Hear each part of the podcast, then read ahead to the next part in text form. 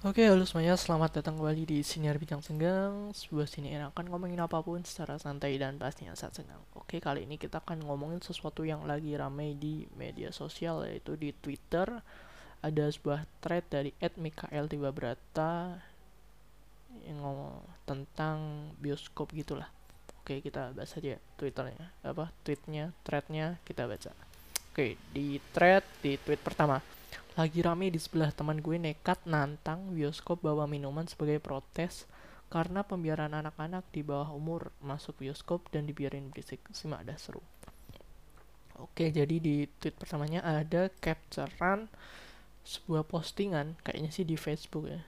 Jadi akun Valentino Dimas Aditya. Itu dia bikin postingan panjang itu tulisan yang isinya gini. Ini BTW tweetnya ini tanggal 10 Juli. Oke. Oke, kita baca. Minggu lalu gue dan Mega ngekaren ke XX1. Sebabnya simple. Gue tuh kesel hampir setiap kali nonton gue terganggu. Terganggu sama bocil yang nonton film di bawah usia. Terganggu karena nangis di dalam bioskop dan lain-lain. Kita baca secara ringkas saja. Kita sama-sama tahu nonton tuh nggak murah. Kita beli tiket udah mahal, beli makanan juga mahal. Udah gitu ada aturan ajaib dari bioskop yang melarang kita bawa makanan dari luar. Karena kita bayar mahal, otomatis kita expect-nya expect kenyamanan. Tapi sayangnya yang kita dapetin malah gangguan yang udah gue jelaskan di atas. Oke, di gambar selanjutnya. Oke, jadi sebagai bentuk protes, gue akan melanggar larangan yang mereka bikin sendiri, yaitu membawa makanan dan minuman ke dalam bioskop studi yang udah diduga gue di stop sama satpam dan diminta untuk menyerahkan minuman gue tapi karena kita udah berdekat mau protes maka gue menolak untuk menyerahkan minuman gue sampai dalam bioskopnya kita diperlakukan kayak kriminal, emot ketawa, semua security ngehati satu sama lain dan ngeliatin kita ke mana-mana. Salah satu security atau kepalanya nyamperin kita negara kita mesti nitipin minumannya. Gue bilang, nggak mau kenapa cuma yang bawa makanan? Kenapa ibu-ibu yang bawa bayi di bawah umur nggak ditegur dan dihadang? Lucunya dia jawab ya mereka sedih tegur tapi mereka tetap ngotot. Ya udah sama saya juga ngotot mas. Karena nggak ada titik temu akhirnya gue dikeluarin gue keluarin jurus karen gue minta dipanggilin manajernya.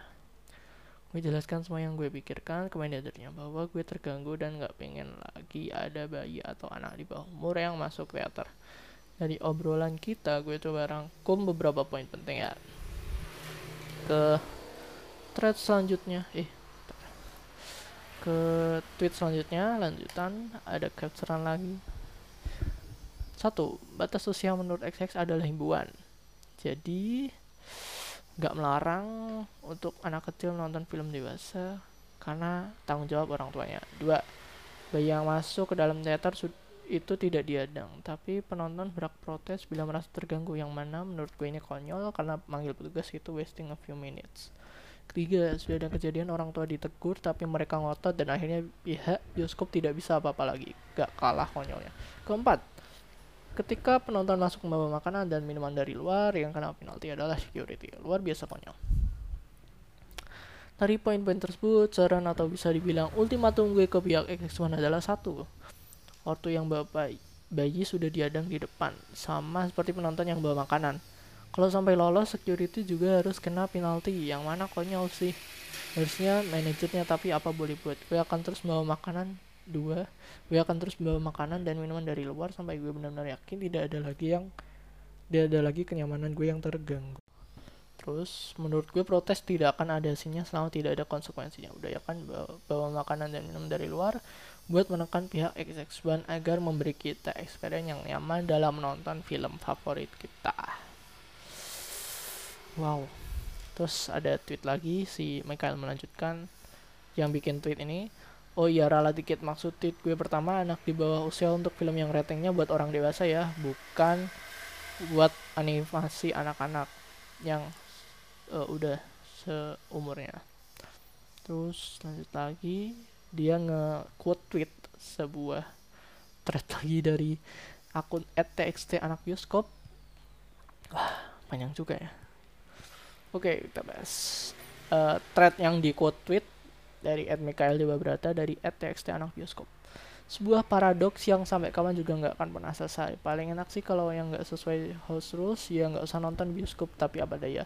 Baru beli tiket aja udah macam beli bioskopnya sekalian. Oke okay. Selanjutnya dari tweetnya.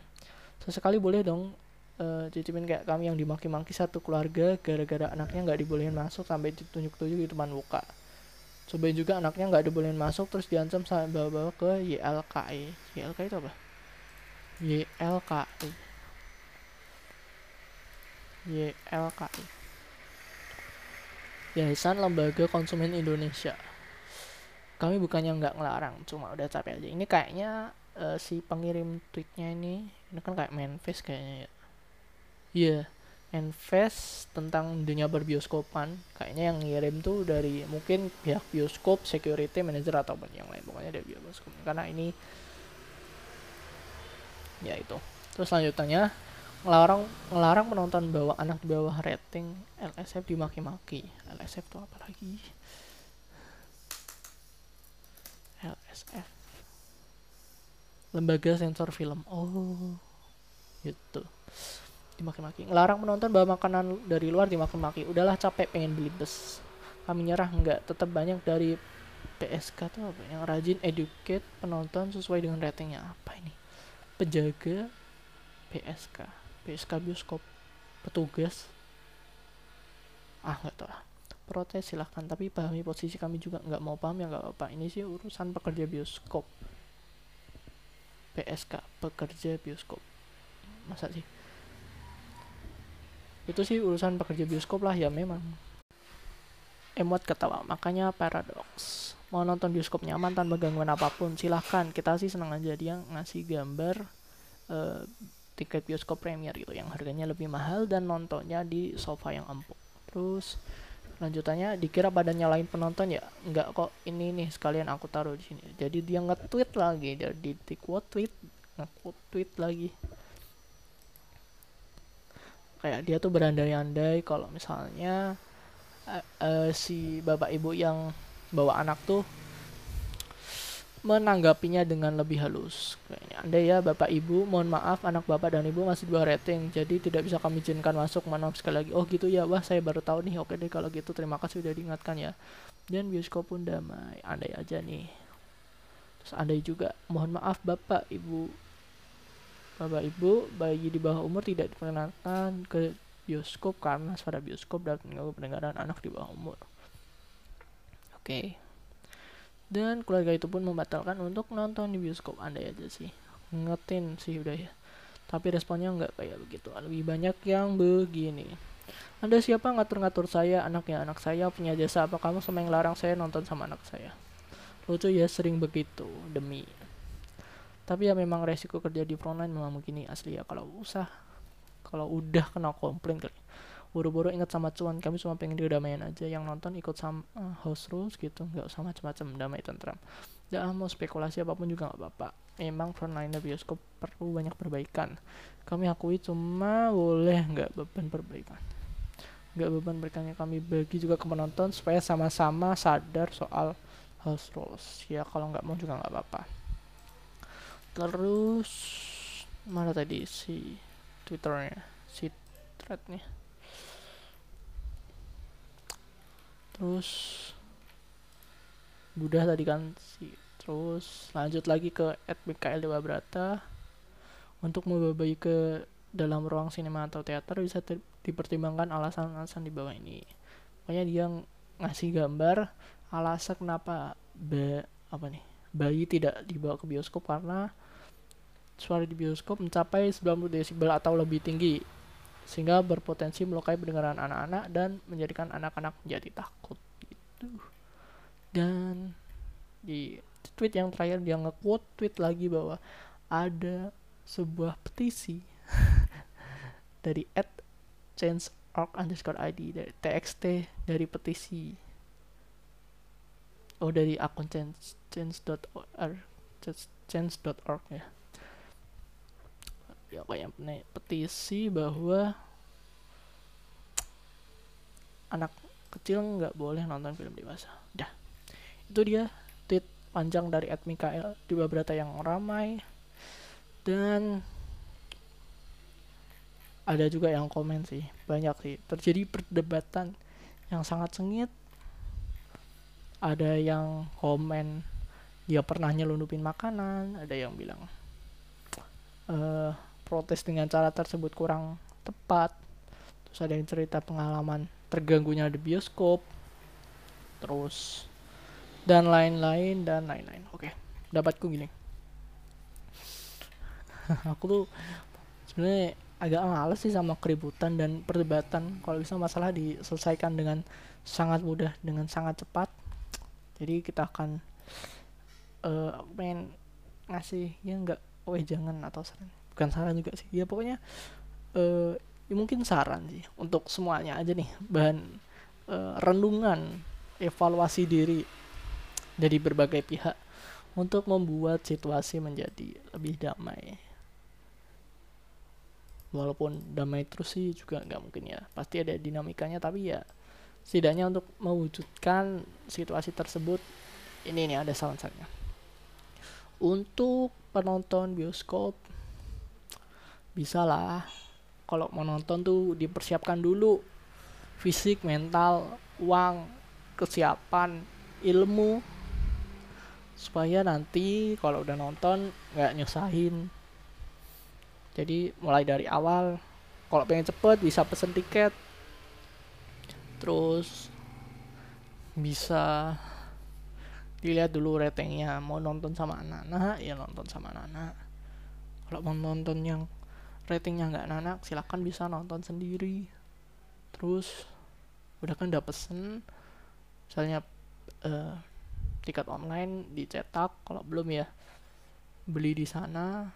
Ngantri kan ya ngantri nggak usah lama-lama akhirnya cepet terus nggak usah ya ikutin aturan mainnya aja lah ya nggak usah bawa makanan yang baunya menyengat ataupun snack dari luar karena ini ada yang komen uh, ngasih pendapat bahwa uh, mau bawa makanan dari luar tuh berpotensi mengganggu sih baik dari uh, bau maupun suaranya. Soalnya ini ada yang komen bahwa nasi padang tuh kan aromanya sangat-sangat mengganggu nih. Kalau kan ada yang suka, ada yang nggak suka. Nah ini kalau ada yang nggak suka kan bisa keganggu nih terus dari suara misalnya bawa ciki. Ciki kan kresek-kresek tuh. Nah itu bisa mengganggu pengalaman suara saat menonton film. Terus kalau nonton bioskop di dalam jangan main HP HP-nya jangan dibuat beris jangan dibuat bunyi terus. Dan nyalain HP karena sinarnya bisa mengganggu orang yang di belakang kita. Terus jangan ngomong sendiri duduk yang benar. Eh uh, hmm, apalagi ya? Duduk yang benar jangan ganggu. Soalnya aku pernah sih pernah bersikap mengganggu terhadap penonton lain. Jadi waktu itu aku kelas SMP kelas 8 ya masih bocah. Sekarang pun masih bocah. Dan masih belajar untuk menjadi lebih dewasa dalam mengontrol diri. Jadi waktu itu nonton kelas 8 nonton film setan dan nur yang pertama sama teman-teman uh, aku inget banget tuh di mana ya? Di Citraland Semarang ya. Di XX1 uh, eh, nonton dah. Di adegan waktu setannya datang tuh kayak ngebak gitu. Kayak gerakannya tuh patah-patah. Nah spontan aku bilang tuh dengan keras setannya ngebak. Nah itu kan tentu sangat mengganggu ya dan temanku juga nyambung nih ngebak anjir gitu ya. Pokoknya gitu gitulah. Nah itu aku waktu itu nggak sadar kalau itu mengganggu. Dan setelah berjalannya waktu sampai uh, sekarang nih aku baru merenung dan ternyata dulu tuh aku sangat mengganggu sekali ya. Coba kalau aku di posisi orang yang denger tuh pasti terganggu banget sih. Terus ya gitu sih. Pengalaman itu justru pengalaman uh, buruk dari kita itu malah bisa menjadi pemicu untuk menjadikan kita menjadi lebih baik gitu ya. Tentu kita tidak mau mengulangi hal memalukan yang sama dan kita menjadi merenung kalau misalnya kita di posisi yang orang yang kita ganggu tuh rasanya seperti apa pasti kita nggak enak. Terus apa lagi? Nonton bioskop udah. Udah sih itu aja kalau nonton. Kalau misalnya ikuti aturan, kalau misalnya kurang serak sama aturannya bisa di komunikasikan dengan satpam dengan baik-baik tidak arogan tidak marah-marah tidak nunjuk-nunjuk. Mungkin ya ini kan uh, masalah apa ya namanya istilahnya tuh uh, ah apa sih? Aduh aku lupa sih istilahnya mau ngomong pokoknya biar sama-sama enak gitu lah. Biar sama win-win solution gitu. Mungkin ada suatu kondisi yang uh, si pihak bioskopnya atau satpamnya nggak ya udah silahkan ataupun di suatu kondisi ada yang customernya mengurangi egonya untuk misalnya tidak jadi nonton bioskop atau membatalkan untuk nonton bioskop supaya penonton yang di dalam tidak merasa terganggu. Ya pokoknya di apa sih istilahnya? Dicari jalan tengahnya dengan damai gitulah ya tapi kan semua aturan dibuat kan pasti ada tujuannya gitu. Misalnya anak kecil nggak e, dianjurkan untuk tidak dibawa masuk karena mungkin bisa ganggu berisik dan sebagainya. Kalau misalnya ada lolos ya mungkin di dalam terganggu mungkin bisa keluar gitu anaknya dibawa keluar. Gitu deh. Terus sih. Terus buat bioskop sih apa ya soalnya sabar-sabar aja terus misalnya nih kalau ada masukan dari konsumen mengenai aturan mungkin bisa lah di uh, difikirkan dibahas direnungkan. Siapa tahu bisa uh, menjadi perbaikan gitu aturan-aturannya biar uh, mungkin dua-duanya bisa untung gitu. Ya walaupun susah sih. Bioskop kan juga cari tuan tapi ya ya dicari jalan tengahnya gitu deh soalnya kalau aku sih berharap boleh bawa air minum sendiri sih misalnya di tumbler gitu kan. Kalau dari botol plastik kan krecek-krecek gitu ya soalnya. Tapi kalau di tumbler kan nggak terlalu berisik lah soalnya gitu sih. Tapi ya kalau bawa air bacakan minum nanti pergi ke toilet. Ya pokoknya gitulah dia. Sama-sama uh, memahami aturan kurangi ego deh gitu. Kurangi emosi. Memang kita tuh susah sih. Emosi itu bagian dari diri kita itu. Uh, emosi adalah uh, ada di dalam diri kita. Sifat-sifat yang sangat liar dan hewan ini nih harus kita kontrol gitu. Karena kalau tidak kita kontrol apa bedanya kita sama binatang gitu? Dan itu justru yang sulit justru kemampuan untuk melakukan hal sulit itu menahan menahan ego itu yang membedakan kita dengan binatang gitu. Udah sih itu aja.